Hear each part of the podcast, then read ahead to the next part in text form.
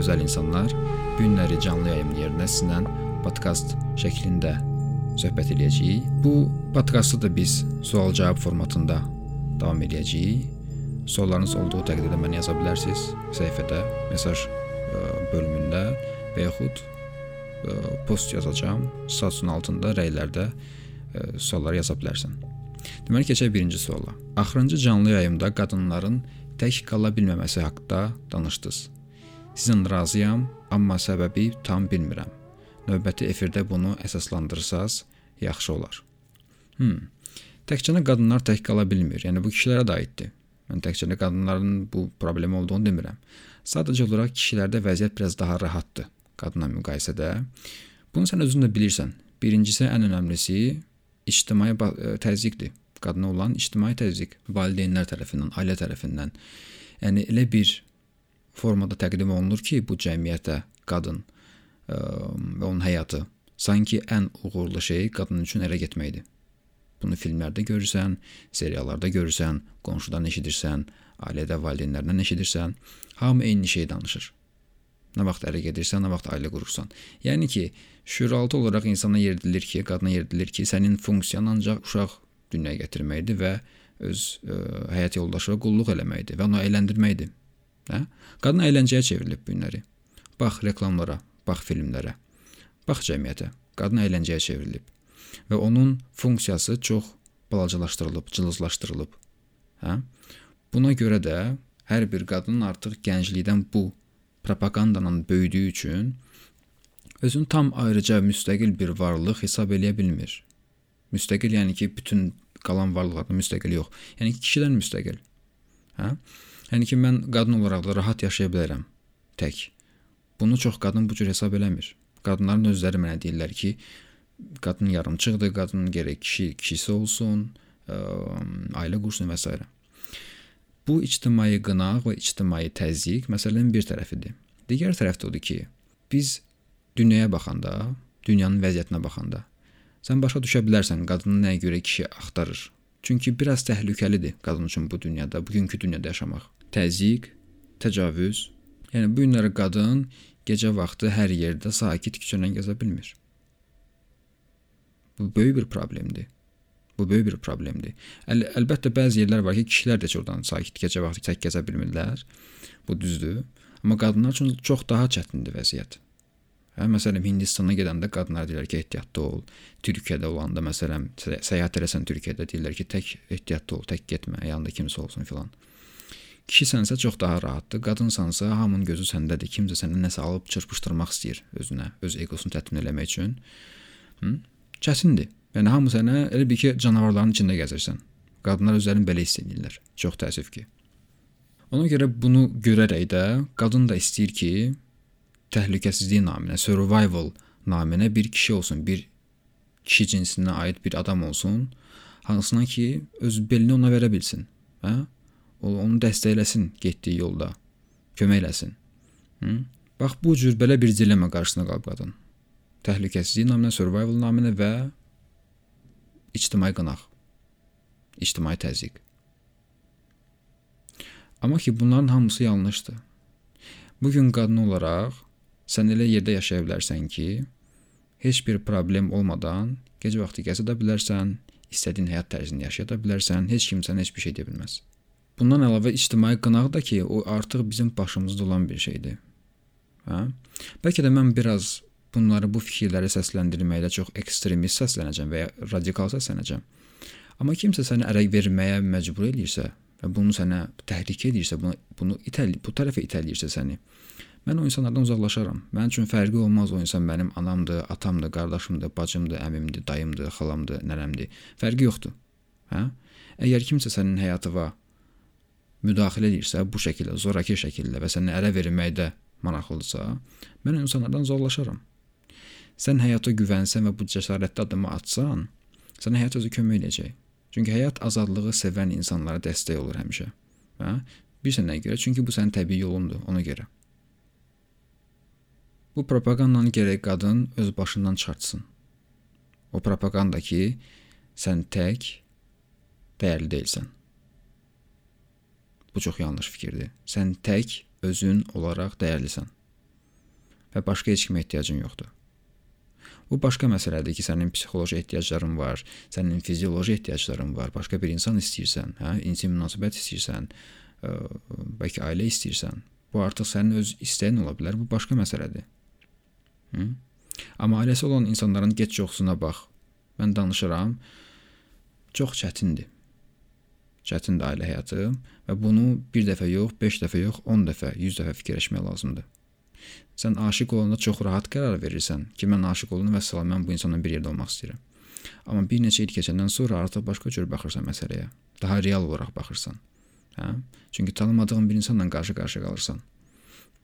Başqa cür baxırsan artıq o insana. Ona görə tək qalmaq daha rahatdır o cəhətdən. Daha rahatdır bu yolu getmək tək olaraq. 2 nəfəri bir yerdə daha çətindir. Əlbəttə onun müsbət tərəfləri də var. Amma ki, gərək bu çətinliyi gözə alasan. O qədər asan deyil. Mən burada sənin müstəqilliyin, sənin azadlığın, ə, biraz kompromisslər filan bu məsələni həmişə nəzərdə saxlamaq lazımdır. Bu şəkildə gərək qadın bu problemi həll etsin özündə. Hə? Tək qalmaq məsələsini. O başından çıxartmalıdır o propagandanı. Başqa başqa heç bir şey. Hı? Keçək ikinci suala. İzlədiyim bir neçə videoda yalnız komfort zonadan kənarda inkişaf edə biləcəyimiz deyilir. Ancaq mən komfort zonada olanda sanki işlərimi daha düzgün və dəqiq şəkildə edirəm. İnsandan insana dəyişən bir şeydir bu inkişaf. Ya komfort zonada olanda yerimizi yerim insandan insana dəyişən bir şeydir bu inkişaf ya komfort zonada olanda yerimizdə sayırıq. Okay. Deməli, ə, e, mən hardasa komfort zonadan çıxmağa danışmışam. Sən də deyirsən ki, komfort zonada olanda daha yaxşı olur hər şey. Bax, nə işləyir sənin üçün? Əgər komfort zonada, mən bilmirəm sən indi ə, e, təbirincə komfort zonada olmaq nə deməkdir? Ən əsas komfort zonası insanın inanclarıdır. İnsanın ideyalarıdır, insanın fikirləridir. Oradan çıxmaq istəyən bir insan. Ən böyük problem budur. Hə? Sən özə balaca bir dünya qurursan, təhlükəsiz bir ideyaların var, inancların var, onlara inanırsan, özünü çox təhlükəsiz hiss edirsən, amma orada inkişaf baş verməyəcək. Çünki sən inanırsan heç vaxt da bilməyəcəksən. Hə? Heç vaxt təcrübə eləməyəcəksən. Problem bu olur çox vaxt insanlarla. Bax sənin üçün nə işləyir? Komfort zonada olmaq, bilmirəm sənin üçün bu nə deməkdir. Orda olanda sən özünü yaxşı hiss edirsənsə, işləri düzgün dəqiq yerinə yetirirsənsə, əla, davam elə. Amma bu sənə yetərlidirmi? Öz işləri düzgün və dəqiq şəkildə yerinə yetirmək sənə yetərlidirmi həyatda? Həyat işləri düzgün şəkildə yetərli e, düzgün və dəqiq eləməkdən ibarət deyil də. Bu olmalıdır, bu minimumdur. Yəni dünyada sən öz işlərini düzgün şəkildə, dəqiq şəkildə eləməlisən, keyfiyyətli şəkildə. Bu problemsiz, heç bir problem yoxdur burada. Amma bundan ibarət deyil də həyat. Hə? Sən komfort zonada bunu eləyirsən. Bəs daha dərin bir şey ürəyin istəmir. İstəmirsə problem yoxdur. İstəyən üçün problem var. Hə? O insan ki, baxır dünyaya və onun işlərinə, deyir ki, bu planet yumrudur, hara getsə elə fırlanırıq yerimizdə. Bu planet öz ətrafında fırlanır. Günəşin ətrafında fırlanır və biz heç bir yerə getmirik, qardaş. Bu nə belə, bu necə bir iş həyatdır? Hansı bu işlərin görməyin nə mənası var? Hə? Biraz hissiyatlı insan bu suallar verməyə başlayır. Və bir şey axtarır. Daha dərin bir şey axtarır həyatda. Axtardığı üçün başlayır qazmağa. Hı? və artıq müəyyən biliklər, müəyyən təcrübələr ona gəlməyə başlayır. Sənin üçün bu önəmlidirmi? Yoxsa komfort zonanda sadəcə yaşamaq rahatdırmı sənə? Mən bir insanla danışırdım, bir problemi var idi onun vərdişlərlə əlaqəli. Mən danışanda bu ki, əsl kimlik filan, dedi ki, çox dərinə getmə. çox dərinə getməyək. Sən mənim problemimi həll elə bəsdir. Mən istəmirdi o yanlış, səhv kim, yəni problem yaradan kimliyi görmək və ondan canını qurtarmaq istəmədi. Bu onun komfort zonasıdır. Hə, o kimlikdə qalmaq, o inanc sistemində qalmaq, o bildiyini zənn, et zənn etmək komfort zonasıdır. Oranı tərk eləməsən, sən daha ali bir şey bilməyəcəksən həyatında. Hı? Artıq burada sən özün qərar verirsən. Sənin üçün okeydirsə bu balaca bir dünya, özün qurduğun balaca bir dünyada yaşamaq, hər şey işlərin düzgün, səliqəli, bu sənə yetərlidirsə, problem yoxdur. Problem yetərli olmayan insan üçündür. Onunla biz ayrıca söhbət edirik. Hə? Deməli növbəti sual. Rəqabət hissinə necə qalib gələ bilərik? Kainat bolluğu və istədiyimiz hər şeyə hə cavabı verir. Düşüncəsini necə tam həzm edə bilərik? Rəqabət hissinə necə qalib gələ bilərik? Kainat kainat bolluqdur və istədiyimiz hər şeyə hə cavabı verir. Düşüncəsini necə tam həzm edə bilərik? Hmm. Rəqabətə necə qalib gələ bilərik? Rəqabət aparan kimdir? Rəqabət aparan kimdir? Mən, hə? Rəqabət aparan mən insandakı o mənlik. Mənlik hansı ki şəxsdir, hansı ki kimlikdir. Mən filan kəs mən rəqabət aparıram da mən Əlövsət. Mən Əlövsət Ələskərlə rəqabətə girirəm. Hı?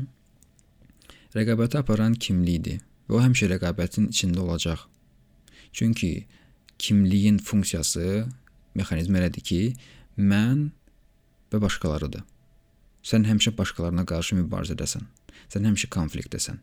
Sən bu dünyaya hər gün konflikt və müharibə gətirirsən. Kimliyin funksiyası budur. Hə, həmişə rəqabətdədir. Kimlikdə qalaraq, öz kimliyində qalaraq sən rəqabət hissinə qalib gələ bilərsən, çətin. Çətin. Hə? Sən ancaq müəyyən bir praktikalar eləyə bilərsən, hansı ki, budizm, bu budizm yoludur, hansı ki, o şəxsi kimliyi yavaş-yavaş dəyişdirir. Hə, yavaş mən İndi mən ən çox sevdiyim üsuldur ki, sən kimliyi birbaşa kənara qoyursan, heç bir şey ondan götürmədən. Budistlər elə ə, e, elə işləyirlər ki, mənim müəllimim də budist idi, o da elə üçün işləyirdi mənim üzərimdə. Yavaş-yavaş səni dəyişdirir. Mən sənin kimliyini, müəyyən ə, e, şəxslər, müəyyən şəxsin müəyyən keyfiyyətlərini Məsələn, deyir ki, sən rəqabətdə hiss edirsən falan kəsin özü, ona xoşbəxtlik arzula. Hə? Həmin o insanı kimlə ki, kimə ki qısqanırsan, kimlə ki rəqabətdəsən, Ona xoşbəxtlik arzula. Onu təsəvvür et ki, o xoşbəxtdir, arzularına çatıb, azaddır. Bu şəkildə o onun uğruna sevinməyə başla. Hı? Və necə gözəl fikirlərdir bu. Və bunu həqiqətən tətbiq edəndə həyata, öz öz həyatıma sənin ürəyin açılmağa başlayır. Sən çox mehriban bir insana çevrilirsən. Hansı ki, başqalarının uğruna sevinir. Gözəl bir insana çevrilirsən. Hə? Başqasının uğruna sevinmək. Çünki onun uğuru sənin uğurundur. Cəmiyyətdə uğurlu insanlar çox olsa, sən daha yaxşı, daha keyfiyyətli həyat yaşayacaqsan. Cəmiyyətdə bədbəxt və uğursuz insanlar çox olsa, sən həyat keyfiyyətin aşağı düşəcək. Təsəvvür et ki, sənin kompüterin bu və yaxud telefonu bu uğursuz insanlar düzəldir. O telefon necə işləyəcək? Güclə, güclə işləyəcək. Hə? Təsəvvür et ki, sənin telefonu və kompüteri və evi tikən adamlar çox uğurlu, işlərini gözəl bilən insanlardır. Hə? Onlar sənin evini necə tikəcəklər? Əla, möhtəşəm şəkildə. Hə? Telefon necə olacaq? Çox gözəl işləyəcək. Kompüterin əla. Sözsüz. Saatın necə işləyəcək? Dəqiq. Hə? Alman dəqiqliyini sevirlər insanlar. Hə? Alman dəqiqliyi, Alman keyfiyyəti. Nəyə görə? Çünki bu insanlar keyfiyyətli iş görürlər. Və o rəqabətdə mən istəyirəm ki, o rəqabət olsun şirkətlər arasında. Amma rəqabətdən əlavə kooperasiya olmalıdır. Rəqabətdən daha güclü mexanizm kooperasiyadır. Yəni əməkdaşlıq şirkətlər rəqabətin yerinə əməkdaşlıq eləsə bir-biri ilə bu çox effektiv olacaq bu dünya. Çox effektiv olacaq. Rəqabətdə ancaq oyun kimi olmalıdır. Futbol oynayanda, düz indi professional futbolda cəmaət düşmənlik kəsilir bir-birinə. Dostlar arasında, dost düz dostlar arasında hərdən düşmən kəsirlər bir-birinə. Amma çox oyun formasında olmalıdır bu rəqabət, ancaq o şəkildə. Çox yox, ciddi alınmalı deyil, ciddi rəqabət olmalı deyil əməkdaşlıq ciddi olmalıdır. Sən ciddi şəkildə əməkdaşlıq eləməlisən ki, bu uğur qazanılsın hər bir şəxs üçün, cəmiyyət üçün. Başqasının uğuru sənin uğurundur. Bunu bu cür görməlisən. Ümumiyyətlə sən başqasına özün kimi baxmalısan. Başqa bədənədir, amma sənsən o. O insanın necə yaşamaq, özünü necə yaşamağını istəyirsən. Hə? Ən yaxşısını verərsən də özünə, elə deyil? Ən yaxşı, yəni iki alman var, biri çürüyüb biraz, biri təzədir, gözəldir özünə özünə hansını verərsən? Gözəl olanı verərsən, yox, onu verirsən o insana. Başa düşdün? Hər şeyin ən gözəlini verirsən ona. Çünki sən özünsən o. Bu şəkildə baxsan, sən çox zəngin həyat yaşayırsan özün, öz daxilində. Və heç bir neqativ hissin sən olmur. Heç bir neqativ hiss səni narahat eləmir. Bu olmasa bu xüsusiyyət ancaq özünü düşünsən, sən çox kasıb həyat yaşayırsan. Və sən daima bu neqativ hisslərlə mübarizə aparırsan rəqabət hissi ilə, qısqanclıq hissi ilə əsəbləşməklə, hə? qəzəblə və s. Bu məsələnin birinci tərəfi. Hə? Başqasına özün kimi baxmaq, ona onun uğruna sevinmək, ona hər şeyin ən gözəlini arzulamaq. Keçək ə, sualın ikinci tərəfinə. Kainat bolluqdur və istədiyimiz hər şeyə hə cavabı verir düşüncəsini tam necə həzm edə bilərik? Bu düşüncəni sən hardan almısan ki, kainat bolluqdur və istədiyimiz hər şeyə hə cavabı verilir? İstədiyin hər şeyə hə cavabı verilirmi? Əminsən bundan? Mən istəyirəm ki, ə, 1000 dənə vertolyotum olsun. Hər gün bir vertolyota minim. Və yaxud min yaxud milyon dənə olsun, heç ömrümün axırına qədər qutarmayım, hər gün onlara minim. Bu kainat mənə hə deyir buna. Çətin. Kainat mənim bu istədiyimə hə, hə cavabı verməyəcək. Verəcək yoxsa verməyəcək. bu yanlış ideyadır ki, kainat sənin hər istədiyinə, hər şeyə hə cavab verir. Yox. Elə bir şey deyil. Bolluq var, var. Amma bu planetdə resurslar limitlidir. Şey deyil, yəni limitsiz resurs yoxdur burada. Ona görə yəni fiziki aləmdə, fiziki dünyada limitsiz deyil heç bir şey. Hər şey limitlidir. Hər şeyin bir sərhəddi var. Hər istədiyi və həncabı verilmir. Bu yanlış düşüncədir. Yəni bunu heç həzm eləmək ehtiyac yoxdur. Hı? Ona görə bu yanlış düşüncələrdən biz azad olsaq, həyatımız daha rahat olar. Daha çox yer olar. Hardakı rahat biz rəqs eləyə bilərik. Hə? Deməli, keçək ə, 4-cü suala. Niyə önəmli olduğumuzu düşünürük? Çox aciz bir his deyilmi? Bəli. aciz bir histir. Çox aciz bir histir. Niyə önəmli olduğumuzu düşünürük? Kim düşünür? Mən düşünürəm. Ha, kimdir o mən? Mən Əlövsət. Ən sən mənə bir ad deyirsən. Mən falan kəs belə düşünürəm. Mən önəmliyəm. Egodur da bu. Bu çox bəsitdir bunu görmək, çox sadədir bunu görmək. Şəxsdir, fikirdir. Fikir, şəxsi yaradan fikirlər toplusudur. Hə? Biz çox qəribədir bu mexanizmin işləməyi və insan necə buna inanır və özünü bununla identifikasiya eləyir. Çox qəribə çünki sən illər ərzində özünü bu şəkildə tanımısan, fikirlərlə tanımısan. Hə, özü fikir zəndələmisən. Ən böyük illüziya da elə budur. İnsanın fik özünü fikir zəndələməsi. Ən böyük azadlıq da bu fikirdən savayı həyatının olmasını hiss eləməkdir, təcrübə eləməkdir, aşkarlamaqdır. Hə? Şəxs özünü həmişə önəmli hiss eləyir. Çünki o özünün bir illüziya olduğunun fərqindədir bir növü. Yəni şuurlu bir şey deyil. Amma ki, yəni heç bir um, fundamenti olmadığı üçün özünü həmişə təsdiq eləməyə çalışır özünün təsdiq mexanizmlərinin biri də özünü daha şişirtmək, böyütməkdir. Ki, orada daha çox rəqabətdə daha özünü böyük hiss eləyə bilər. Hə? Bu eqonun mexanizmidir. Və nə qədər insan özünü önəmli hiss eləyirsə, o qədər acizdir. O qədər balacadır. Sən bu söhbəti kənara qoyanda geriyə nə qalır? Qoy bu eqonu və onun önəmliliyini kənara. varlıq hissi qalır. Sən konseptsiz var olanda indi düşünmədən sadəcə olaraq varsan. Fikirlər gəlib gedə bilər, problem yoxdur. Amma indi bu saat burada varsan, oturmusan, qulaq asırsan və yaxud gəzirsən. Bədənin içindəki bu canlılığı hiss edirsən. Bax budur. Onun önəmli olmaq bir problemi yoxdur. O önəm və yaxud önəmsizlik düşünmür. Elə deyil? O varlıq hal-hazırda.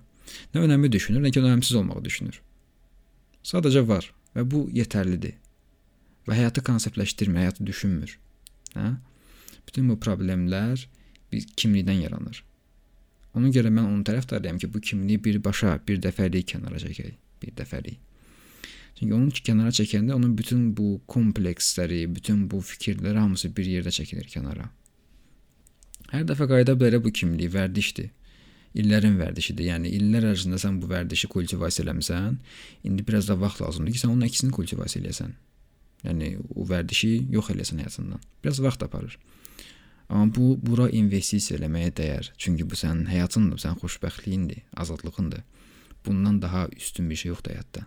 Hı? Niyə önəmli olduğumuzu düşünürük?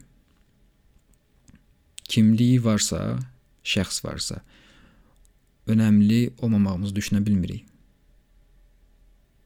Hı? Çünki sənin başın doludur özündən, öz eqondan, öz şəxsindən sənin başın doludur.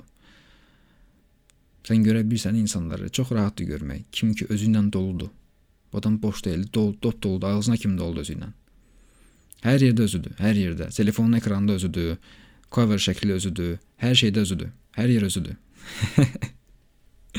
Ancaq özünü fikirləşir. Hə? Ancaq özünü fikirləşdiyi üçün ən önəmli şey nə olacaq onun həyatında? Özü. Aysa o. Budizmdə də belə bir şey var ki, sənə deyirlər ki, artıq sən yox, özü fikirləşmirsən, başqalarına fikirləşirsən. Sən öz önəmsiz olduğu bu şəkildə dərk edirsən. Hə? Çünki hər kəsdə bu mən var da, bu mən hissi hər kəsdə var. Səndəki bu mən hissi ilə başqasındakı mən hissi arasında nə fərq var? Səndəki mən hissi ilə başqasındakı mən hissi arasında nə fərq var?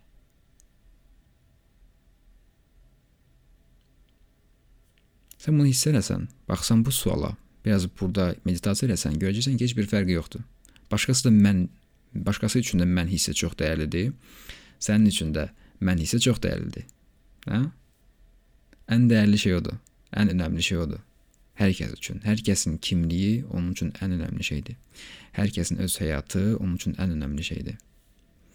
Və sən bu bunu, bu mexanizmi görsən və bu önəmlilikdən imtina eləsən, öz önəmliliyi başqalarının önəmli olmağı ilə ə, əvəzləsən, sənin eqon yavaş-yavaş azalacaq. Yavaş-yavaş azalacaq, yoxa çıxacaq. Ona görə sən buddist müəllimlə qarşılaşsan, o sənə deyəcək ki, sən özü fikirləşmə. Sən bütün gün özü fikirləşirsən, özü fikirləşmə. Sən başqasını fikirləş. Hə? Başqasını fikirləş. Sən fikirləş ki, ona mən necə kömək edə bilərəm? Mən filan kəsə necə faydalı ola bilərəm? Necə onun üzə, üz, üzünə bir təbəssüm gətirə bilərəm? Hə? Bir gül alıb verirsən, uşağa bir konfet hədiyyə eləyirsən, böyüyə bir ə, əl tutursan, işində kömək eləyirsən. Sadə işləri, balaca sadə işlər. Mənim müəllimim dəfə mənə demişdi ki, bu evin sahibi gələndə cavan uşaqdır. Məndən yaşlı ə, balaca idi. O restoranda işləyirdi, valideynlərin restoranında. Axşam gəlirdi evə. Biz onun evində qalırdıq ə, Hindistanda. Mənim müəllim dedi ki, o evə gələndə ona bir stəkan su süz ver. Mən də gəl bu gəldi ki, bu nə ət tökən bir şeydir. nə Yesus süzüb verirmi? Əli var, ayağı var, cavan uşaqdır. Gəlib su süzüb içəcəkdi özü. Nə yox, ey, istəmirəm filan belə fikirlər dolaşırdı ağlımda. Qəbul eləmişdim o dediyini ki, eləyəcəm. Çünki elə danışmışdıq ki, sənin hər dediyin eləyəcəm, problem yoxdur. Hı? Amma ki özüm özümdə konflikt baş verir ağlımda ki, bu nəyə lazımdır, bu nə lazımsız bir şeydir, bu nə bu nə budizmdir, bu nə bu nə müəllimdir, bu nə bu nə baş verir, nə baş verir? Mən niyə bu işdən məşğulam ümumiyyətlə ki, məsələn, su su verməliyəm? Hə, ancaq özümü fikirləşirdim, ancaq özümü fikirləşirdim. Çünki ən önəmli şey mən idim. Hə? Bu oğlan gəldi evə. Mən bir stəkan su süzdüm. Gəldi oturdu, bir stəkan su süzdüm, qoydum qabağına, verdim ki, bu sənin üçündür. Götürdü suyu içdi, dedi ki, ah, çox sağ ol düz yerinə düşdü. Təsəvvür edirsən? bu qədər. Bu qədər sadə. Bu qədər sadə. Düz yerinə düşdü. Yerinə düşdüyünə görə, çünki sən eqovun, sən öz eqovu azaltdın, başqasını düşündün və axırda yerinə düşən bir hərəkət elədin. Məsələ bu idi. Hə? Sən ona özün kimi baxsan, özün gəlmisən işdən, kimsə sənə bir stəkan su verir. Nə gözəl bir şeydir bu. Möhtəşəm bir şeydir. Çox sadədir, çox sadədir, amma çox gözəl bir şeydir. Hı? Bu şəkildə insan öz önəmliliyini aradan qaldırır. Bu möhtəşəm bir şeydir. Bu yəni möcüzələr yaradır bu cür düşüncə tərzi. Eksperiment elə bax öz həyatında. Keçən növbəti suala. Sevgi insana nədən verilib? Niyə də yox? Sevgi insana niyə verilib? Niyə verilməsin ki? Bu niyə suallarının çoxusu ağıldan gəlir? Bilirsən? Çünki ağıl həyatın niyəsini hiss eləyə bilmir. Tuta bilmir söhbəti ki, bu niyə, niyə var bu həyat, niyə yaşayıram, niyə sevgi var, niyə, niyə o var, niyə bu var, niyə qızıl gül var? Suala bax, niyə qızıl gül var? Bu sualın cavabı olacaq. Cavabı o var ki, ancaq niyə də yox? Əgər ola bilirsə qızıl gül, niyə olmasın? Əgər insanda sevgi varsa, ola bilərsə, niyə ol verilməsin insana sevgi? Hə? Verilməyib əslində sevgi, sevgi sənin təbiətindir. Qızıl gül necə ə, qırmızıdırsa, onun təbiətidir. Qızıl indi qırmızı qızıl güldən danışırıq da. Onun təbiəti qırmızı olmaqdırsa, qoxudursa, sən də təbiətin, sən də qoxun bu sevgi hissidir. Sən var olmağından sevgidə olursan. Başa düşdün? Və bu bu, bu faktdır da bu budur.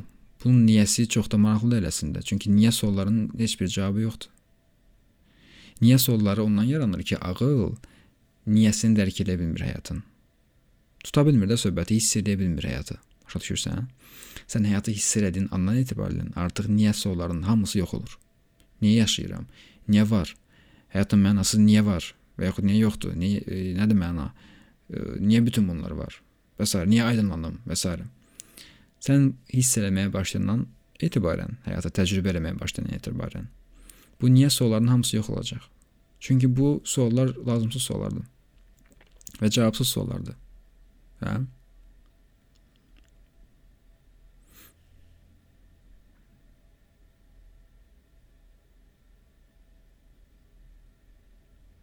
Bu kainat niyə var? Həyat niyə var? Niyə də yox? Bu rəsm, rəssam rəsmi niyə çəkdi? Niyə də yox, niyə çəkməsin? Bu rejissor niyə film çəkdi? Niyə çəkməsin? Quş niyə oxuyur? Niyə oxumasın? Hı? Görsən bu sualın absurdluğunu? Quş niyə oxuyur? Günəş niyə çıxır? Günəş niyə bizə istilik verir? bu niyə sualların çoxusuna heç bir cavabı yoxdur. Çünki sual özü səhvdir. Ağıldan verilir və o da ki, çatışmamazlıqdan verilir. Həyat təcrübəsinin çatışmamazlığından. Hı? Altıncı sual. Düşüncələrin fərqində olmaq istədikdə və onlara diqqət yönəldik, yönəltdikdə itirlər. Sonra yenidən gəlirlər. Amma onda da mən fərqində olmuram. Nə etməliyəm? Aha, düşüncələrin fərqində olanda onlara diqqət ayırdıqda onlar itirlər. Sonra yenidən gəlirlər. Onlar mən fərqində olmuram. Nə etməliyəm? Hmm. Sən fikirlərə baxanda onlar birdən-birə dayanır, hə? Sən fikirlərin fərqində olanda onlar elə birdən-birə dayanırlar, yoxa çıxırlar. Niyə? Çünki şüurluluq baş verir. Sən şüursuz olanda avtomat rejimdə olursan. Elə bil ki, sənin gözləri bağlıdır, heç bilmirsən nə edirsən, amma gedir. Zombi kimi bir vəziyyətdəsən. Nəsə edirsən. Öz avtomat proqramlarına görə. Nəsə bir şey edirsən və bilmirsən nə baş verir. Xəbərin də yoxdur. Buna deyirlər yuxu vəziyyəti. Hə? Yuxu kimi bir vəziyyətdəsən, görmürsən nə baş verir, xəbərin yoxdur. Şüursuz vəziyyətdir. Şüurlu olan kimi birdən-birə yenidən baxırsan həyata. Fikirlərə baxsan, fikirlər birdən birə dayanır ki, o qədər, okey, bir dəqiqə. Burada şüurluluq var, burada bir gücü var. Yəni görə bu necə bu güclə? Hə? Düşdün? Artıq proqram birdən-birə dayanır. Vərdiş olan proqram. Hə? Avtomat rejimdə olan proqram dayanır. Sonra sən nə edirsən? Sonra sən təzədən diqqətini qoyursan fikirlərə və orada itir fikrin, diqqətini orada itir, aparır sənə fikirlər. Və sən yenidən düşürsən bu avtomat rejimə avtomat proqramına. Və yenidən fikirlər, fikirlər, fikirlər və sənin reallığında ancaq fikirlər olur. Xaotik fikirlər, heç bir mənalı fikir də olmur çoxsu. Hı? Sənin edəcəyin tək bir şey var burada. Tək bir şey. Bir dənə bunu elə.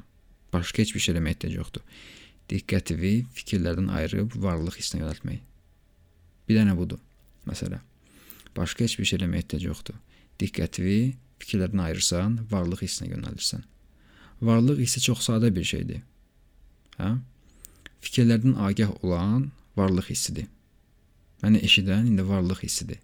Bədənimin içində canlılıq hissi. Bunu hiss edirsən. Məsələn, ürək tərəfdə, bədəninin sinəndə bunu daha canlı hiss edə bilərsən, daha çox hiss edə bilərsən. Hı? Bütün bədənində də bunu hiss edə bilərsən. Sanki bu bədəni öz, öz zərvi geyinmisən. Və bu varlıq hissində qalmaqdır məsələ.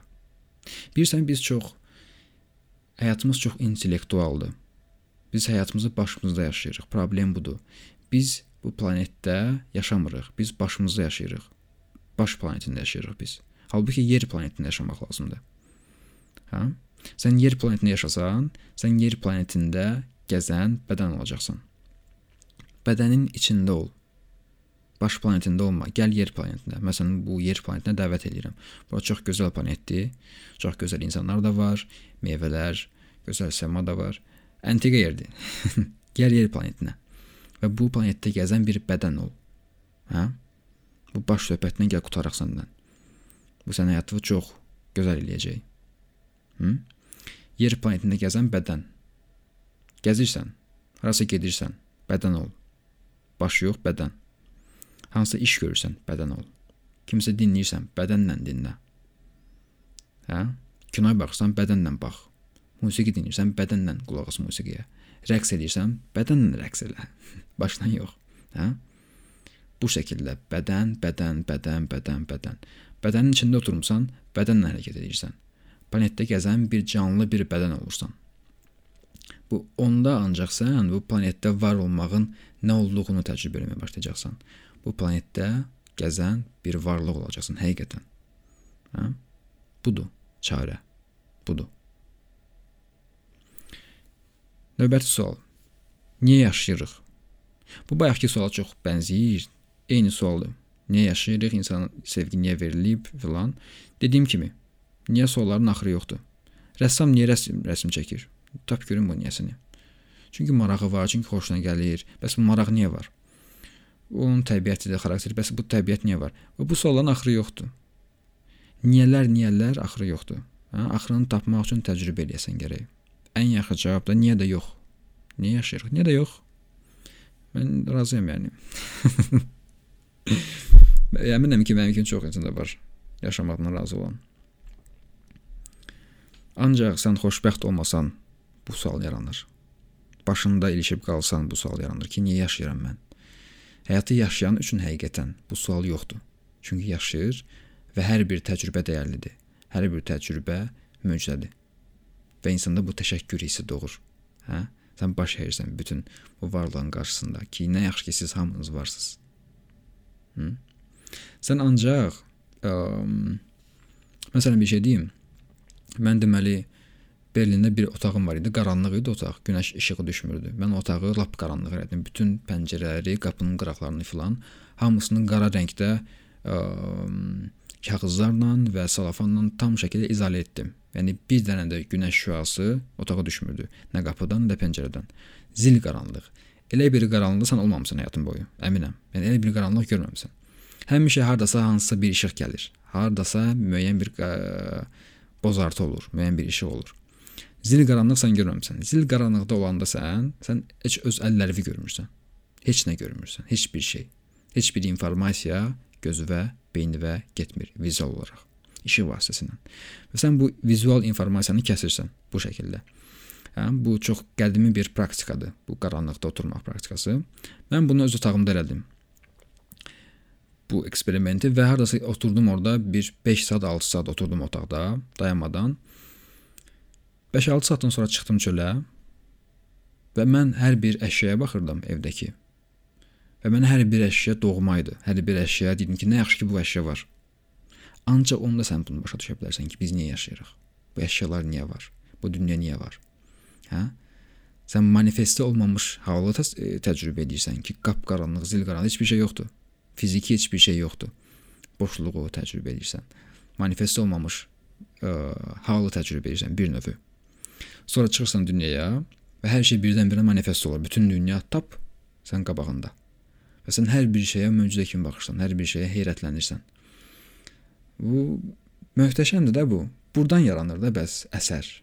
Burdan yaranır musiqi, burdan yaranır hekayə, burdan yaranır insanlara ilham verən əsərlər. İncəsənət, hə? Budur. Bax budur.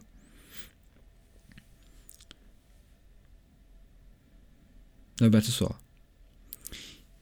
Kiçik bir hadisədən sonra hətta yaxınlara qarşı içdə kin yaranır. Kin saxlayıb narahat oluram. Mhm. Elə bilirəm o da müddət, elə bilirəm o da o müddət ərzində belə fikirləşir. Amma həmin adam mənimlə ünsiyyət qurmağa başlayanda görürəm ki, onun heç vecinə də deyildi. Mən beynimdə hər şeyin dərinliyinə gedirəm, böyüdürəm hər şeyi. Bu mənə dəfələrlə sübut olsa da qurtula bilmirəm bu döngü döngüdən. Bu nə ilə əlaqədardır? Elə olur ki, məsələn, kiməsə baxırsan, xoşun gəlmir adamdan. Özündə mühakimə edirsən, nəsə tənqid edirsən ona, bunun üzünə bax, bunun burnuna bax, bunun nə bilim, geyiminə bax və yaxud yaxşı bir fikrə deyilsən. Və birdən-birə o adam sənə yaxınlaşıb başlayır sənə söhbət eləməyə və birdən-birə dostlaşırsınız. Sən ki, bu nə yaxşı adam imiş, hə? Xoşun gəlmirdi, amma sənin söhbət edən kimi birdən-birə bütün fikirlərin yox oldu, dəyişdi. Hı? Bunlar hamısı ağlın mexanizmidir, hansı ki bu kimlik yaradır və bu kimlik özü ilə başqalarını həmişə rəqabətdə görür və başqalarını həmişə kiçildir ki, özünü böyütsün. Başa düşdün? Həmişə özünü qoruyur, özünü böyütməyə çalışır. Həmişə müqayisədədir onun işi. Bu çox önəmlidir ki, biz bu ağlın, bu kimliyin uydurduğu qondarma fikirlərlə, uydurma fikirlərlə yaşamayaq. İnsan həyatında öyrənəcəyimiz ən böyük dərs də budur. Çünki sən bu dünyaya baxsan, ən böyük problemlər də burdan yaranır. Balaca problemlər deyə, balaca problemlərdir. İki şəxs arasında olan bir ə, e, münasibət. Hı? Amma bu münasibət konfliktə çevrilir. Konflikt dünyaya gəlir. Sən dünyaya öz münasibətindən konflikt gətirirsən. Müharibə gətirirsən. Hə? Hardasa bu getdikcə artır və artıq əməlli başlı fiziki bir müharibəyə çevrilir. Bu insanlar bir-birlərini öldürürlər. Hamısı balaca bir şeydən başlayır. Bu dünya, bu cəmiyyət səndən mənim münasibətimdən asılıdır. Hə? Sən necə qurtula, qurtula bilərsən bu neqativ fikirlərdən? Şüurlu şəkildə münasibət qurmaqla. Sevgi ilə münasibət qurmaqla. Sən başqasını özün kimi görməklə. Hı? Ancaq bu şəkildə sən bundan qurtula bilərsən. Başqa şəkildə nə qədər mümkündür? Sən öz ağlında fantaziyalar quracaqsan həmişə ki, o belə fikirləşdi, o elə fikirləşdi, o mənə bunu dedi, mən ona onu dedim. Eyni konflikti elə çevirirsən, fikirləşirsən, belə çevirirsən, fikirləşirsən. Enerji gedir. İçində dolur neqativliklə. Ona söhbət edəndə adamdan, dost kimi, məlum olur ki, heç bu fikir o cür fikirləşmirdi, tamam başqa şey demək istəyirdi sənə. Sən başqa bir şey anlamısan. Boş yerə konflikt əmələ gəlib. Hə? Fantaziyalarla yaşamağın təhlükəsi budur. Bütün bu fantaziyalardan qurtulmaq lazımdır. Hə? Kimsə fantaziyasını yaşasa belə, sən ona görə sevgi ilə münasibət göstərəsən ki, o da oradan çıxa bilsin. Sən ona hücum eləsən, mühakimə eləsən öz eqondan, oradan çıxa bilməyəcək o adam. Orası o, o özünü müdafiə edəcək. O da sənə hücum edəcək. Başa düşdün? O hücum, sən hücum nə olur? Müharibə. Biz dünyaya müharibə gətirmiş oluruq. Başqasına özün kimi baxırsan.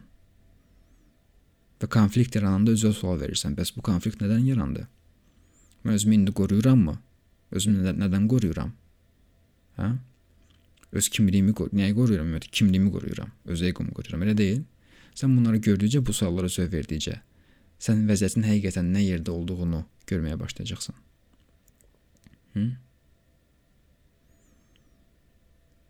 Və insanlarla sevgi münasibəti qurmadıqca bu problemlər çözülməyəcək. Həqiqi münasibət olmalıdır insanların, həqiqi, əsl münasibət. Təsəvvür et ki, o sənsən. Sözün əsl mənasında sənsən, yəni başqa bədəndə sənsən. Onunla necə rəftar edirsən? O şəkildə rəftar elə insanla. Bacardığın qədər o şəkildə rəftar elə. Hər dəfə unudacaqsan bunu bilirəm. İndi danışacağıq, gedib bir-iki nəfərlə bunu eləyəcəksən, çox gözəl münasibətin olacaq, çox gözəl təcrübən olacaq, özünü də yaxşı hiss eləyəcəksən. Amma zamanla bunu yenə də unudacaqsan. Çünki fikir, diqqətin gələcək fikirlərə, vərdişlərə. Bunu daimi eləməlisən. Daimi bunu ayaqda saxlamalısan bu, bu düşüncəni, bu baxışı, bu hissi, bu şüurluluğu. Ona görə biz yaşayırıq bu həyatı. hə? Bunu öyrənmək üçün, bu inkişaf baş verməsi üçün və bu inkişafın özü də bu gülün açılmağına bənzəyir. Sən gül kimi yavaş-yavaş açılırsan. Sonra qoxun hər tərəfə yayılır. Hər gəlib keçən baxır sənə tamaşa edir ki, ha, bu nə gözəl varlıqdır. Hə? Növbəti sual. Bu günə qədərki sorğularda heç soruşulmayan hansı məqam var ki, mənəvi inkişaf üçün önəmlidir? Və sən istərdin ki, bunun haqqında soruşulsun və sən danışasan. Hmm. Nə soruşulmayıb ki, mən soruşum?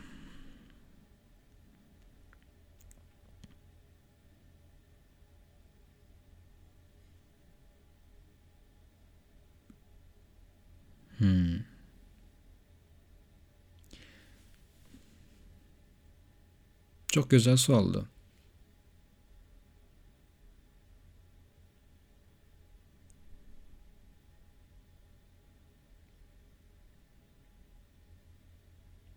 Mən istəyərdim ki, kimsə soruşsun ki, hansı ki soruşulub məncə. Bu hamısı məncə soruşulub.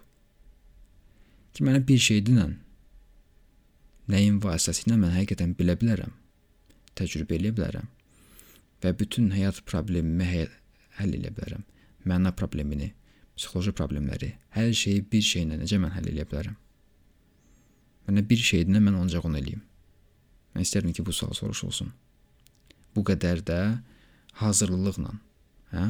Bu qədər də hazır, yəni hazır olmaqla, bunu yerinə yetirməyə hazır olmaqla, qərarlılıqla bu sual soruşulsun. Ver mənə o bir şeyi, mən ancaq onu eləyim. Hı? İstərdim ki, bunu kimsə soruşsun bu dediyim qədər ciddi və qərarlı olsun bunu eləməkdə. Elə belə keyfindən düşdüm bir dənə sual soruşun belə yox. Bu şəkildə bir insan istəyərdim. Qabağıma çıxsın. Çox sevinərəm. Növbəli sual is love acceptance? Sevgi qəbul etməkdirmi?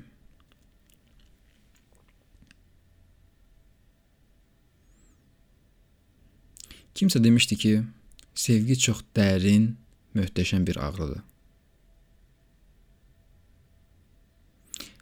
Sevgi qəbul eləmək deyil, çünki sevgi seçimsizlikdir.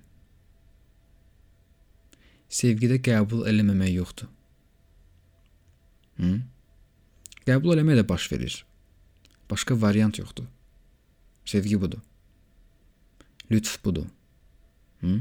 Sən sevgidə olanda da həyatı lütflə yaşayırsan. Və heç bir şey qəbul eləməyə ehtiyac yoxdur. Çünki kim qəbul eləyir, necə qəbul eləyəcək, nətər olacaq bu? Yəni bu elə, elə baş vermir. Sən sevgidə olanda qəbul olmaq nə, nədirsə qəbul olmalı. O qəbul olma artıq ordadır. Başa düşdün? Seçim yoxdur orada. Orada başqa variant yoxdur. Və sən sevinirsən buna. Bu variantın olmamağına sevinirsən. Nə yaxşı ki, başqa variant yoxdur. nə yaxşı ki, həyat məni aparır və mən heç bir şey edə bilmirəm. Nə yaxşı ki. Özünü təslim elə insan buna sevinir, uşaq kimi sevinir. Rəqs eləyir, kef eləyir.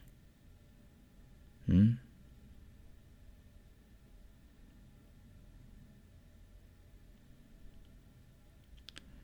İki variant var da. Biri ya sən deyirsən ki, mən öz həyatımı özüm yaradıram.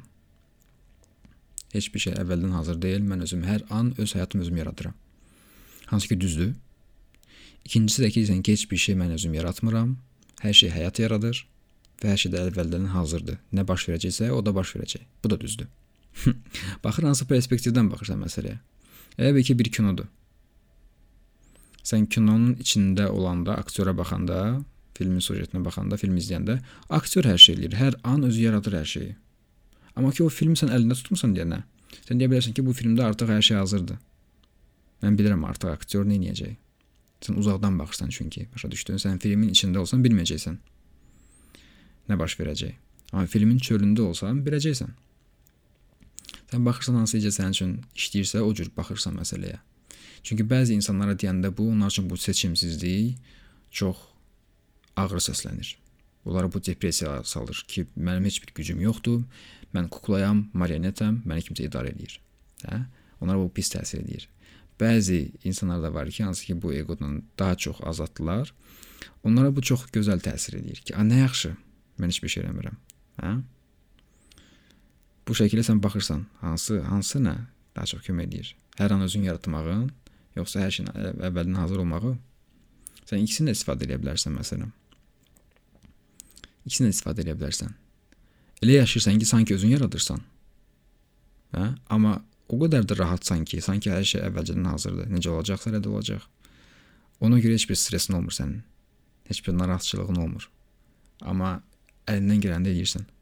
Aktiv şəkildə həyatı yaşayırsan. Başa düşdün? Həyatda iştirak edirsən, yaşayırsan və möhtəşəm bir həyat yaşayırsan aktiv şəkildə. Amma eyni zamanda da bilirsən ki, nə baş verəcəksə baş verəcək. Heç bir şeyə görə narahat olmursan. Məncə bu çox ağıllı variantdır. Çox ağıllı variantdır.